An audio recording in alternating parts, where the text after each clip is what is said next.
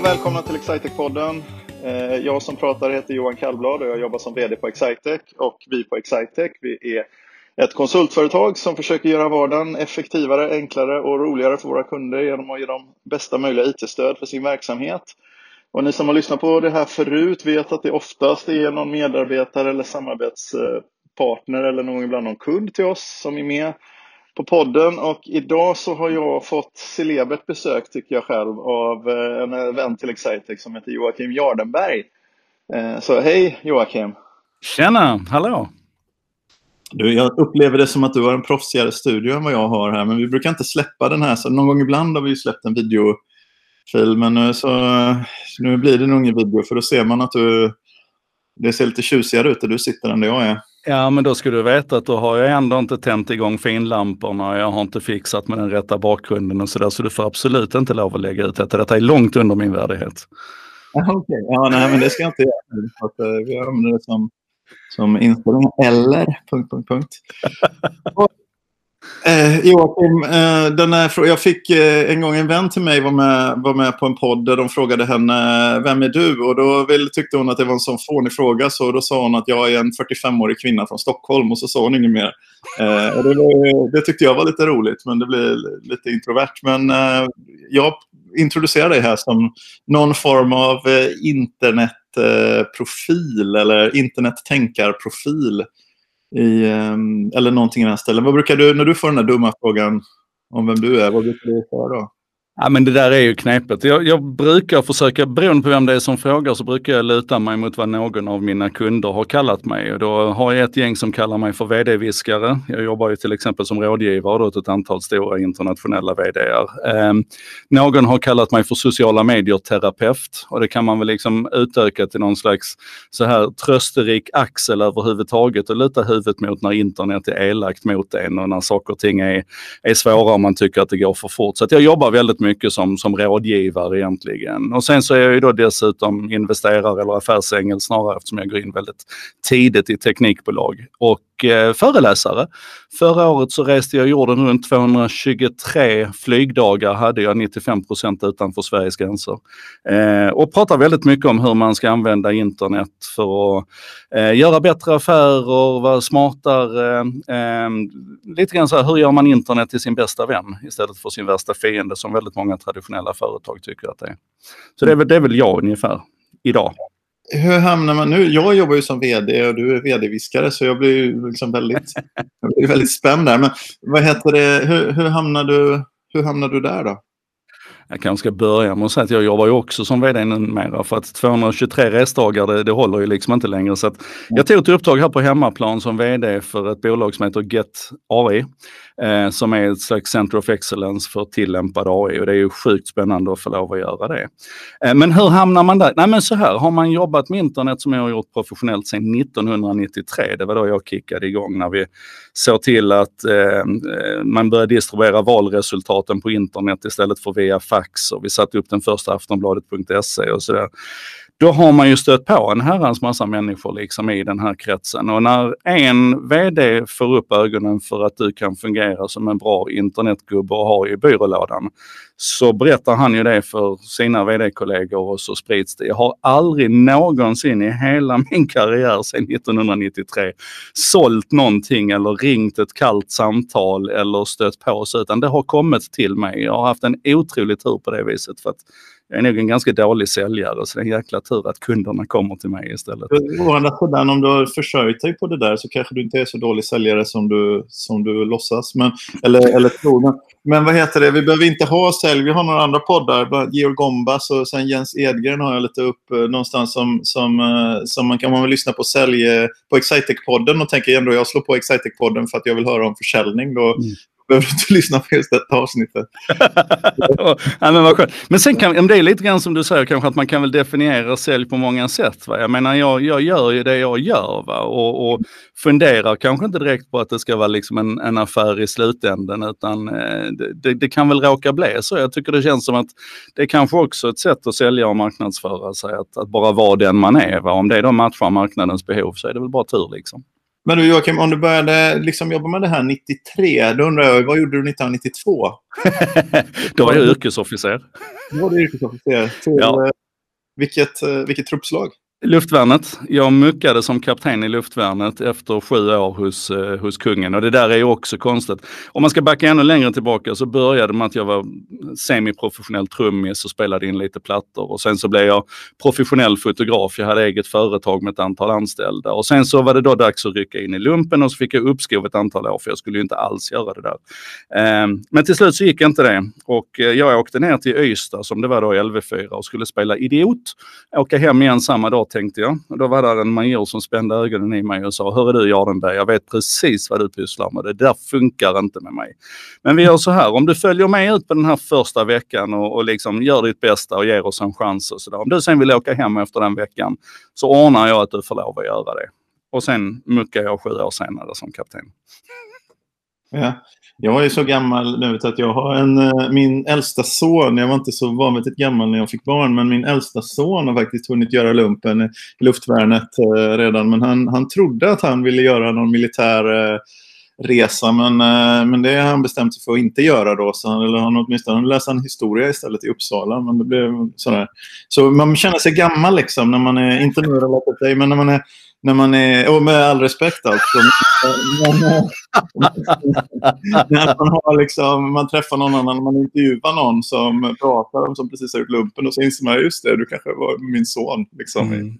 Men så är det. det är väl... Men vad, vad, vad, vad synd. Alltså nu har det ju säkert blivit jättebra för honom ändå. Man ska ju följa sin lust och sådär och det är ju det jag har gjort alltid. Men vad, vad tråkigt att han inte tyckte att det, att det funkade för honom. För, för mig var det ju precis tvärtom. Jag hade ju inga intentioner och trodde inte alls på det där. Men sen upptäckte jag att herregud vilken, vilken bra ledarskapsutbildning det här är och vad många bra, och så luftvärnet då som ett tekniskt truppslag Mm. och sådär. Så att det liksom, eh, nej men så kan det väl bli. Jag vet inte vad, jag tror det funkade för honom egentligen. Han tyckte det var ganska bra där, men det uppstod någon sug hos honom att plugga som han inte hade. Det kan man göra inom det militära också, men någon sug som han inte hade känt på ganska många år tror jag. För han var väl en sån, han gjorde väl okej ifrån sig i skolan, men den där riktiga lusten att läsa och lusten att göra saker, den, den hade, jag vet inte, svensk skola skulle vi kunna göra en podd om, eh, tänker jag. Jag har sett några antydningar till det, några av det, eh, en sak idag. Jag är ju en av dem som tycker att svensk skola i mångt och mycket är väldigt, väldigt bra. Men det känns som att allting som jag tycker, det var liksom de här, jag höll på att säga Björklund-nazisterna, men det skulle jag aldrig säga någonstans där någon hörde. Men, men, Ska Frida redigera det här sen? ja, exakt. Men eh, en del av det känns som att det som jag tycker är bra är allt det som man i det publika samhället tycker är dåligt och vice versa. Liksom. I, i, jag förstår inte. Det var lite imponerad av min, jag har en dotter också som går på gymnasiet nu. Hon, hur de ställde om till digitalundervisning, bara sådär. Och så körde de det faktiskt med relativt hög kvalitet, min, min uppfattning. Och många pratar om, sen är det tråkigt att inte se socialt, men många pratar ju om att, eh, att ja, det är faktiskt vissa saker som funkar bättre nu. Och så där. Den är ju, och det, det är ju inte så konstigt. Man har ju sett det i framförallt i gymnasieskolan att det är ju elever som de inte hade sett på ett och ett halvt år i skolbänken som helt plötsligt poppade upp och gjorde ganska bra ifrån sig när man, när man började köra på distans igen. Men jag måste ge dig en anekdot där på tal om den svenska skolan. Min egen bonussonen han, han läser ju till ämneslärare. Han pluggar på Malmö universitet. Han är inne på andra året, eller han är färdig med andra året nu. Eh, och eh, på lärarhögskolan så klarade man alltså inte att ställa om till digitalt. Han har inte haft en enda digital föreläsning, de har inte haft en enda, en enda digitalt seminarium. Ingenting. De har liksom inte ens eh, de, de har mer eller mindre fått ut powerpoints på papper hemskickade till sig. Alltså fruktansvärt Mm. tråkigt att se att det här, det här tåget mellan de som kan och de som inte kan, att det fortfarande är så långt. Liksom, Ja. Och skrämmande att upptäcka att det på lärarutbildningen fungerar så dåligt.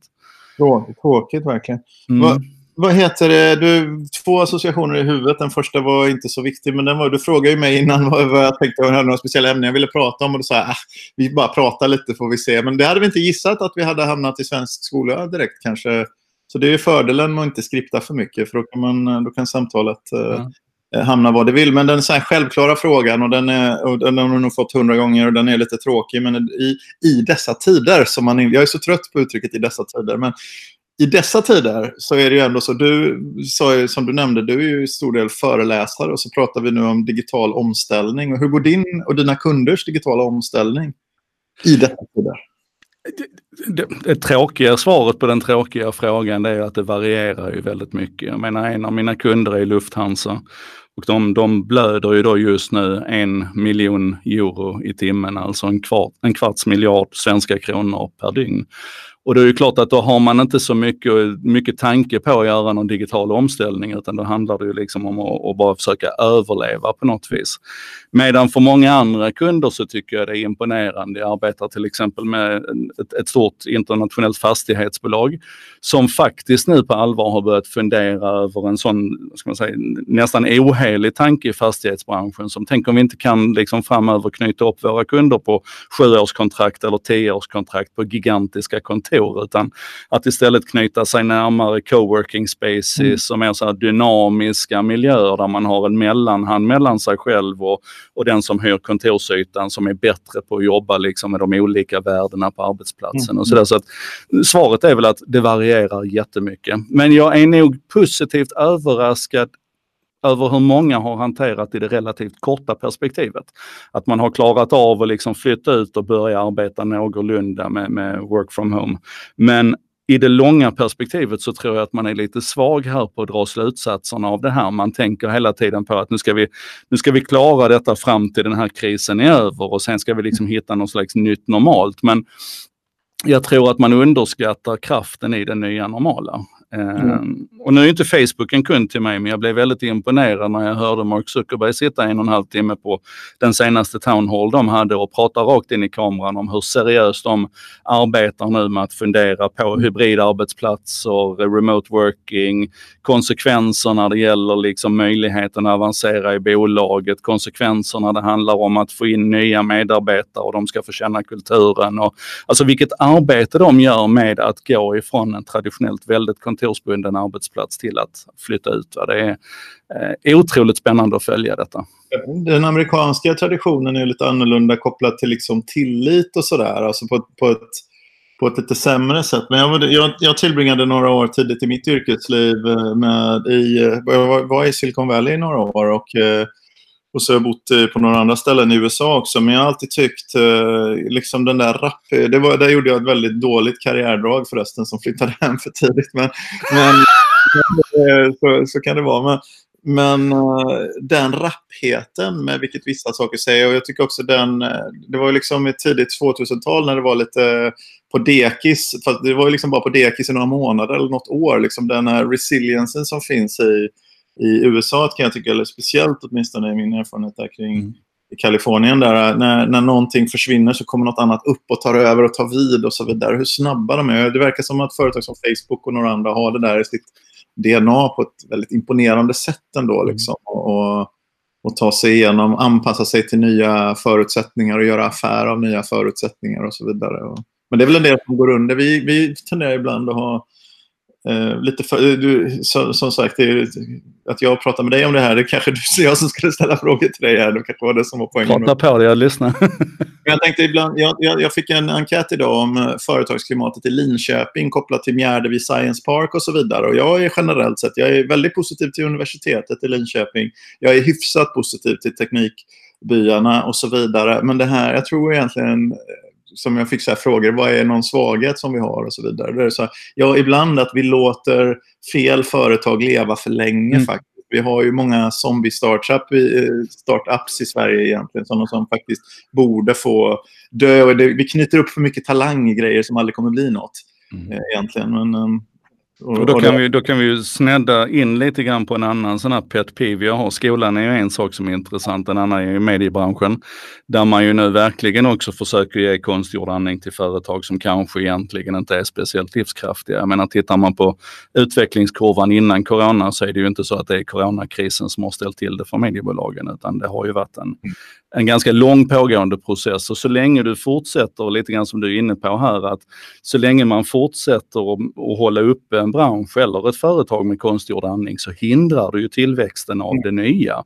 Du behöver ju den här skogsbranden liksom, va, som slår undan och skapar jordmån och ändrar biotopen liksom, så att den, den nya livskraftiga kan få lov att komma fram det är spännande. Kan du, för någon, för någon eh, som vill få sig något till livs, kan inte du, vågar du på adlibba lite kring länkskatterna och de där tankarna som, eh, som eh, liksom det här med kring hur man vill liksom betala, att Facebook, Google och de här ska betala för att visa information kring en.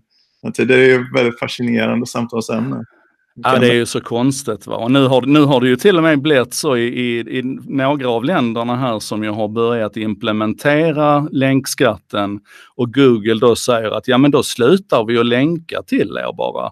Då mm. börjar liksom ministrar gå in här nu och rasa påhejade av lobbyn då om att, att liksom Google måste ju länka.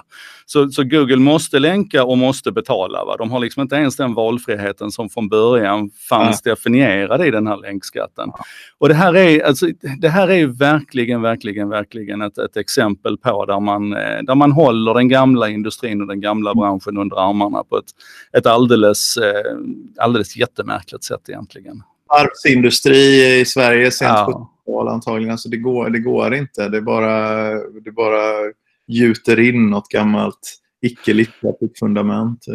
Precis, och, och hela diskussionen runt det blir ju så oerhört ensidig också för att jag har ju jobbat i mediebranschen i väldigt, väldigt många år. Jag vet ju hur mycket trafik man får ifrån Google, alltså Eh, och ifrån Facebook naturligtvis. Ifrån hela internet egentligen så strömmar det in trafik. Och det är ju inte Google och Facebooks fel att medieföretagen har varit dåliga på att, att kapitalisera på den trafiken och göra affär av den. Eh, men egentligen är det ju, liksom, det är ju, det är ju gratis marknadsföring för dem. Varenda en av oss som, som läser en bra artikel i Aftonbladet och vill dela den vidare på plattformarna och öka sökbarheten för den och så vidare. Vi är ju liksom tidningsbud på något vis. Va? En gång i tiden så betalade man ju för att få den tjänsten ja. och nu tycker man att tidningsbuden ska vara de som betalar istället. Ja, alltså, det, det, det, är så absurt. Att det, det, är alltså, det är så absurt tanken på på att ta betalt. Det är även om man ser hela, liksom, att inte lyckas ställa om, att vara så dålig på att ställa om sin affärsmodell och tro att den har att göra med tryckpressar antagligen eller någonting i Eh, så det, det, det, den, är, den är fascinerande det samtalsämnet. Mm. Har du något annat? Nej, förlåt. Nej, men det finns ju många fler exempel på. Vi kan ju gå utanför mediebranschen egentligen och titta lite grann på upphovsrättsbranschen och så. Där. Det finns ju någonting i Sverige som heter offentlig konst och det är ju när kommuner och regioner och myndigheter köper in konstverk ifrån konstnärer och ställer ut i det offentliga rummet. Mm. Och då finns det i, i, den gamla upphovsrättslagstiftningen då så finns det ett undantag för offentlig konst, att man får lov att, att fotografera den här konsten och trycka den på vykort eller trycka den i böcker och sälja den och så vidare. Då, då har man liksom betraktat det som att den tillhör public domain. Den är liksom det gemensammaste. Den är betald med gemensamma medel och den står på offentlig plats. Men när man nu då flyttar det här till, till internet istället och det blir digitalt, då försökte Wikipedia i Sverige med ett stort projekt som, som, han, som hette just offentlig konst, där man byggde en databas på all den här offentliga konsten. Så du skulle inför en resa till Linköping till exempel så skulle du kunna gå in där i databasen och så skulle du kunna se alla fantastiska offentliga konstverk i Linköping och göra en runda dit liksom och så här. Verkligen lyfta konsten. Nej, då är det en upphovsrättsorganisation som tycker att så där kan vi ju inte ha det. Liksom, va? Det där tillgängliggörandet är inte okej okay, utan vi ska ha en massa pengar. Och stämmer alltså Wikimedia Sverige och, och drar dem inför domstol och vinner den här jävla rättssaken. Så man får alltså backa tillbaka på den här databasen som frivilliga krafter som du och jag har suttit och byggt över offentlig konst i det publika. Alltså det är så, det är så här fullständigt mindblowing att ens... Det blir ju inte att någon betalar för det där utan nettoresultatet är att vi inte känner till var den här konsten finns och ingen kommer titta på den. Absolut, jag menar det här hade ju lyft värdet av den offentliga ja. konsten. Det här hade ju fått fler att få upp ögonen för det. Men då tänker man någon slags kortsiktig snäv vinning i det här om man tänker överhuvudtaget. Och, och sånt gör mig ledsen och, och, i nästa steg då så blir jag ledsen att det inte blir tillräckligt mycket debatt om det här liksom. För att här borde ju då Mm. Ja, vi borde ju få möjlighet att rasa lite grann över det här. Va? Men står det inte i DN och Svenska Dagbladet och Närkes Allehanda och så vidare så, så är det ju bara vi nördar som sitter och rasar på vår lilla kammare. Liksom. Så mm. nej, det, det, ja, nej, det finns mycket att upphöra. Ja, det, det, är, när man är sådär aktiv, det, det är ju ändå en riktigt bra ny affärsmodell eh, dyker upp så blir den ofta så väldigt eh, liksom uppenbar och eh, och, och liksom inte alls, den behöver inte alls bygga det. Men jag är fortfarande fascinerad. Eller liksom det går, jag kommer alltid hela livet vara var fascinerad över hur sökmotorer såg ut innan Google och efter Google. Liksom. Och man trodde att visst, vi, vi bygger upp när vi tapetserar med annonser runt sökordet. Och sen så hittade Google sätt, ett sätt att tapetsera runt annonser utan att det kändes som att den tapetserade. Och det blev liksom med, med annonser relaterat till det du faktiskt sökte på. Och inte det. det var ju den som man aldrig kunde göra i tidningen naturligtvis. Du kunde inte göra en, en annons kring det du ville läsa om. Eh, även om det var bilannonser på biltestsidorna naturligtvis. lite sådär. Så det är fascinerande. Du, Joakim, eh, så, så föreläsarskap, men resdagarna då? Vad gör du med all den här tiden som du sparar på att inte resa? Eh, jag förlorade inte speciellt mycket tid på att resa för att jag jobbar ju var jag än är någonstans. Så att på, jag har ju alltid varit otroligt mobil. Jag tog ett jobb i Helsingborgs stad 2013 till 2015, ett förordnande som internetchef där och då hade jag ju tre krav för att jag skulle ta det jobbet. Jag skulle inte ha någon budget, jag skulle inte ha någon personal och jag skulle framförallt inte ha något skrivbord. Så det där har liksom aldrig varit något problem för mig att arbeta var jag är. Men det blir mycket tid över naturligtvis och framförallt så saknar jag den, den fysiska kontakten med människor människor, så du vet, gå in i ett rum med energi och så. Så det var ju därför jag tog det här vd-uppdraget och eh, det är ju svinkul. Det är ju ofta så när, när saker och ting inte blir som man har tänkt sig, att de faktiskt blir mycket, mycket bättre. Och det här är, det är jätteroligt det jag gör nu, att, att arbeta med det här gänget. Skrivbord och personal nu? Nej, Eh, personal är där ju, men de är ju distribuerade de också. Va? Men jag sitter ju i sammanhang, jag möter ju människor på ett annat sätt idag. Så att, eh, det, är, det, är, en jättebra kombination av, av det jag vill och det jag kan. Men sådana här vd-uppgifter som att välja liksom fruktkorgsleverantör och kaffemaskin, och, har du reagerat bort det? Ja. ja det brukar vara tips att göra det. Om du en gammal grej med vd. Vi, vi har gjort förvärv några gånger. Inte, det är också något sånt där som jag aldrig skulle berätta för någon, när någon lyssnar. Men jag har ett gammalt tips på, på, på vd-skap. Vad gör man så här man förvärvar och så där. Så det är en, då kollar man på om man, ska, om man har någon vd till exempel på ett bolag. Som man, eh, vi har inte gjort så jättemånga, men vi har gjort fem, fem stycken, sex stycken förvärv har jag varit med om kanske. Och då kollar man på ifall vdn säger, man frågar vad, vad, vad, han gör egentligen. Och han inte säger jag pratar med personal, jag pratar med kunder. Utan han säger, äh, men jag jobbar mest med strategifrågor. Då behöver inte honom. Då kan, jag, då kan jag spara en mille där på på resultaträkningen. Det var alltså, de är i en sån förvärvsdiskussion med mig och de säger att de bara jobbar med... Men det, det är också, det, det, är nog många, man är lite vilsen där med vd-skap och jobba i Eh, att jobba med fel frågor var väl det. Jag skulle testa dig där lite grann. Eller ge viska tips till vd-viskaren. Uh, nej. Ja, har du mer i huvudet? Vi har ett avsnitt i denna podden som... Vi har ett kontrakt, eller vi tror oss ha ett kontrakt med de eventuella lyssnarna som innebär att vi inte ska prata så värst mycket mer än en halvtimme. Och vi har väl hållit på i 20 minuter någonting nu. Men jag har en del i podden som heter Någon berättar om något. Eh, och då innebär det att vem, den som är med får välja valfritt samtalsämne. Eh, Joakim. Åh, vad roligt. Ja, har du några som du har gått och funderat på? Eh, då, ja, jag går och funderar på Då drar jag en grej ur hatten som är superaktuell. Eh, du såg väl att vi skickade upp lite människor i rymden ifrån amerikansk mark här i helgen? Va? Yep. Och eh, som, som en följd av det så är det en bild som har cirkulerat på internet. Jag tror den började snurra igår. Jag vet inte om du har sett den, jag ska försöka beskriva den. Den är, den är indelad i tre delar den här bilden. Den mm. översta delen det är, eh, vi får väl kalla det för cockpiten ifrån Apollo-projektet. Och då kan du se det framför dig. Det är ju 20 miljoner fysiska switchar och det är lite så mekaniska mätare och sådär. Den andra tredjedelen det är cockpiten ifrån rymdfärjan och då har man ju uppgraderat det här så då är det faktiskt lite så digitala skärmar och lite sådär. Men det är fortfarande, du sitter liksom helt inkapslad i knappar och rattar och vred och grejer. Och sen har vi nu då ifrån eh, Dragon Crew, då, den senaste som Elon Musk har byggt här kan vi väl säga. Och då sitter de och har varsin stor pekskärm framför sig i princip.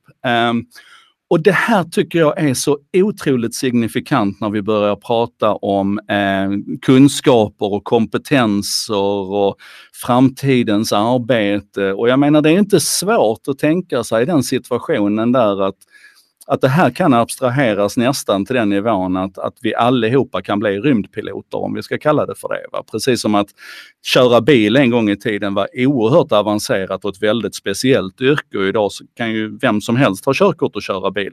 Men också att vi ser en förlängning i det här att när det har blivit så enkelt så att vem som helst kan vara rymdpilot då är vi ju snubblande nära överflödiga. Då är vi inne på de här allra sista sekunderna på, på det världshistoriska uret innan det yrket inte är ett yrke längre. Och på det temat så hittar jag en sån himla fin bild ifrån 1930 ifrån Stockmans, det här varuhuset i, i Helsingfors.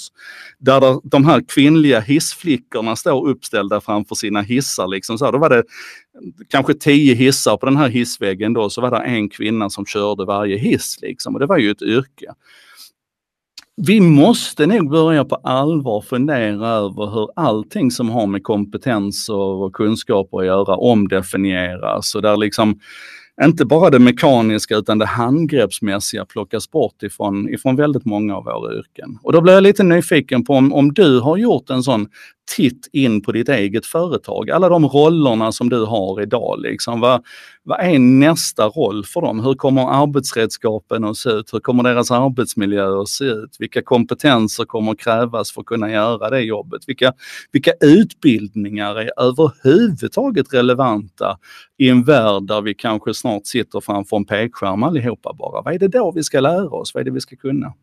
Jag har, jag har en, först har jag en liten, en liten duck från den här frågan. Som är ganska, det här, helt plötsligt så framstår allt så klart. Jag såg också den där bilden. Ja. Men, mm. men eh, varför det inte kördes upp några bemannade rymdfarkoster på en 20 år, det är för att de hade ju varit powered by Windows 95 eller något sånt. de var straff. Det hade inte gått. Men Eh, men, men på det temat måste man ju fundera över att de här pekskärmarna var lite blåaktiga. Jag menar man kan ju faktiskt få dem till blue screen of death om man inte... Ah, ja. Men jag, jag funderar på, på faktiskt, ändå, är det inte ändå fortfarande lite konstigt att det ska behöva med några stackars människor på den där resan? Om det ändå är för pekskärmarna är ju, jag menar, det är ju uppenbart inget som någon fysiker behöver göra. Och eh, det man tittar på, man skulle egentligen kunna skicka upp den med kameror och, och kommunikation, antar jag. Ja. Nu, vill man ju, nu vill man ju frakta upp människor, så de kun, men de kunde ju egentligen lika gärna lägga till lastutrymmet bara. Va? Alltså det, det, det finns nog ingen anledning att de ska sitta i cockpiten.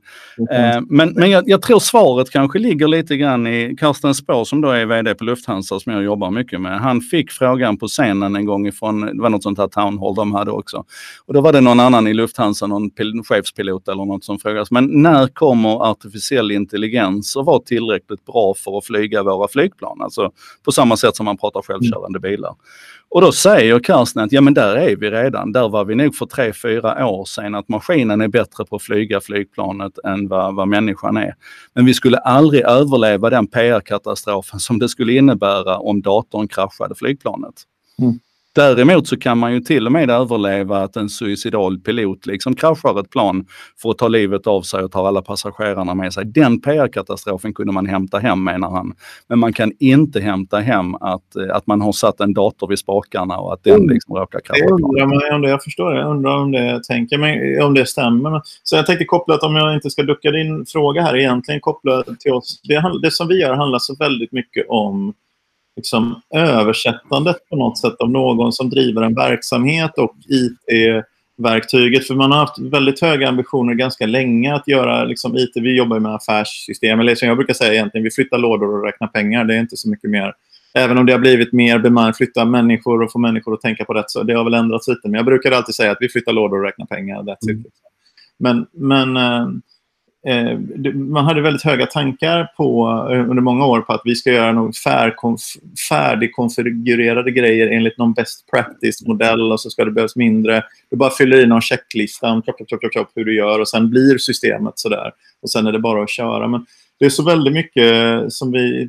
Det är väl som erfarenhet blir viktigt också någonstans. Eller, eller fanta, kopplat till fantasi. Där du måste liksom öva mappningen egentligen mellan någon som driver en verksamhet som inte alls tänker kanske på administrativa stödsystem och sånt och sen på själva systemet. Alltså det blir mindre teknik och mer bara liksom att överbrygga ett glapp mellan de teknikdrivna systemen och, och, och människorna som jobbar, som är, deras passion är att servera kaffe då, Espresso House till exempel är en stor kund till oss eller hålla på med verktyg eller liksom bygga saker eller, eller liksom hålla på med fuktspärrar. Eller med, det finns massa olika verksamheter och massa olika passioner där och någonstans så måste man överbrygga det där. Och det, det, men, men, så jag har inte tänkt på så mycket, men det jag har kommit fram till att det är mindre alltså, teknikutveckling. Tekniken är så jättetydligt för oss. Det är liksom, ja, det är verk, när man väl vet vad man skulle göra, då är verktyget liksom programmeringsspråket eller någonting i den stilen. Ja, det kan ju vara de sista 10 procenten för att realisera det.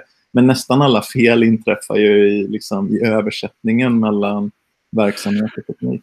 Och då blir jag lite nyfiken, för det är klart att när du säger att vi testade med checklistor och best practices och sådär, då, då, då, har det ju berott på att det var inte tillräckligt dynamiskt och det var inte tillräckligt anpassningsbart eh, för liksom, behovet det försökte lösa.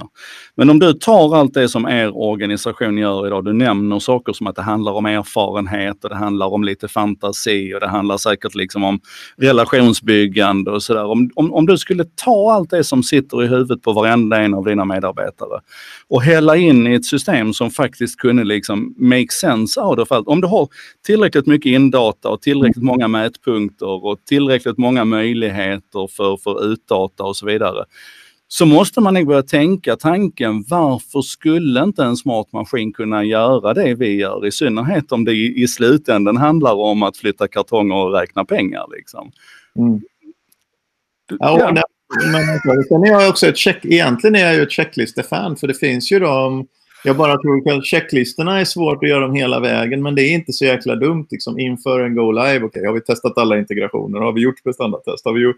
Det, det, liksom, det finns ju, men checklistorna som vi försökte göra dem då, de blev för stora och för generiska. Liksom. De blev, um, de blev eh, på en metanivå mer än, än... Ja, men det där är svårt. Så här. Och, och check, checklistorna växte ju fram utifrån erfarenheten så som ni kunde tyda den så att säga.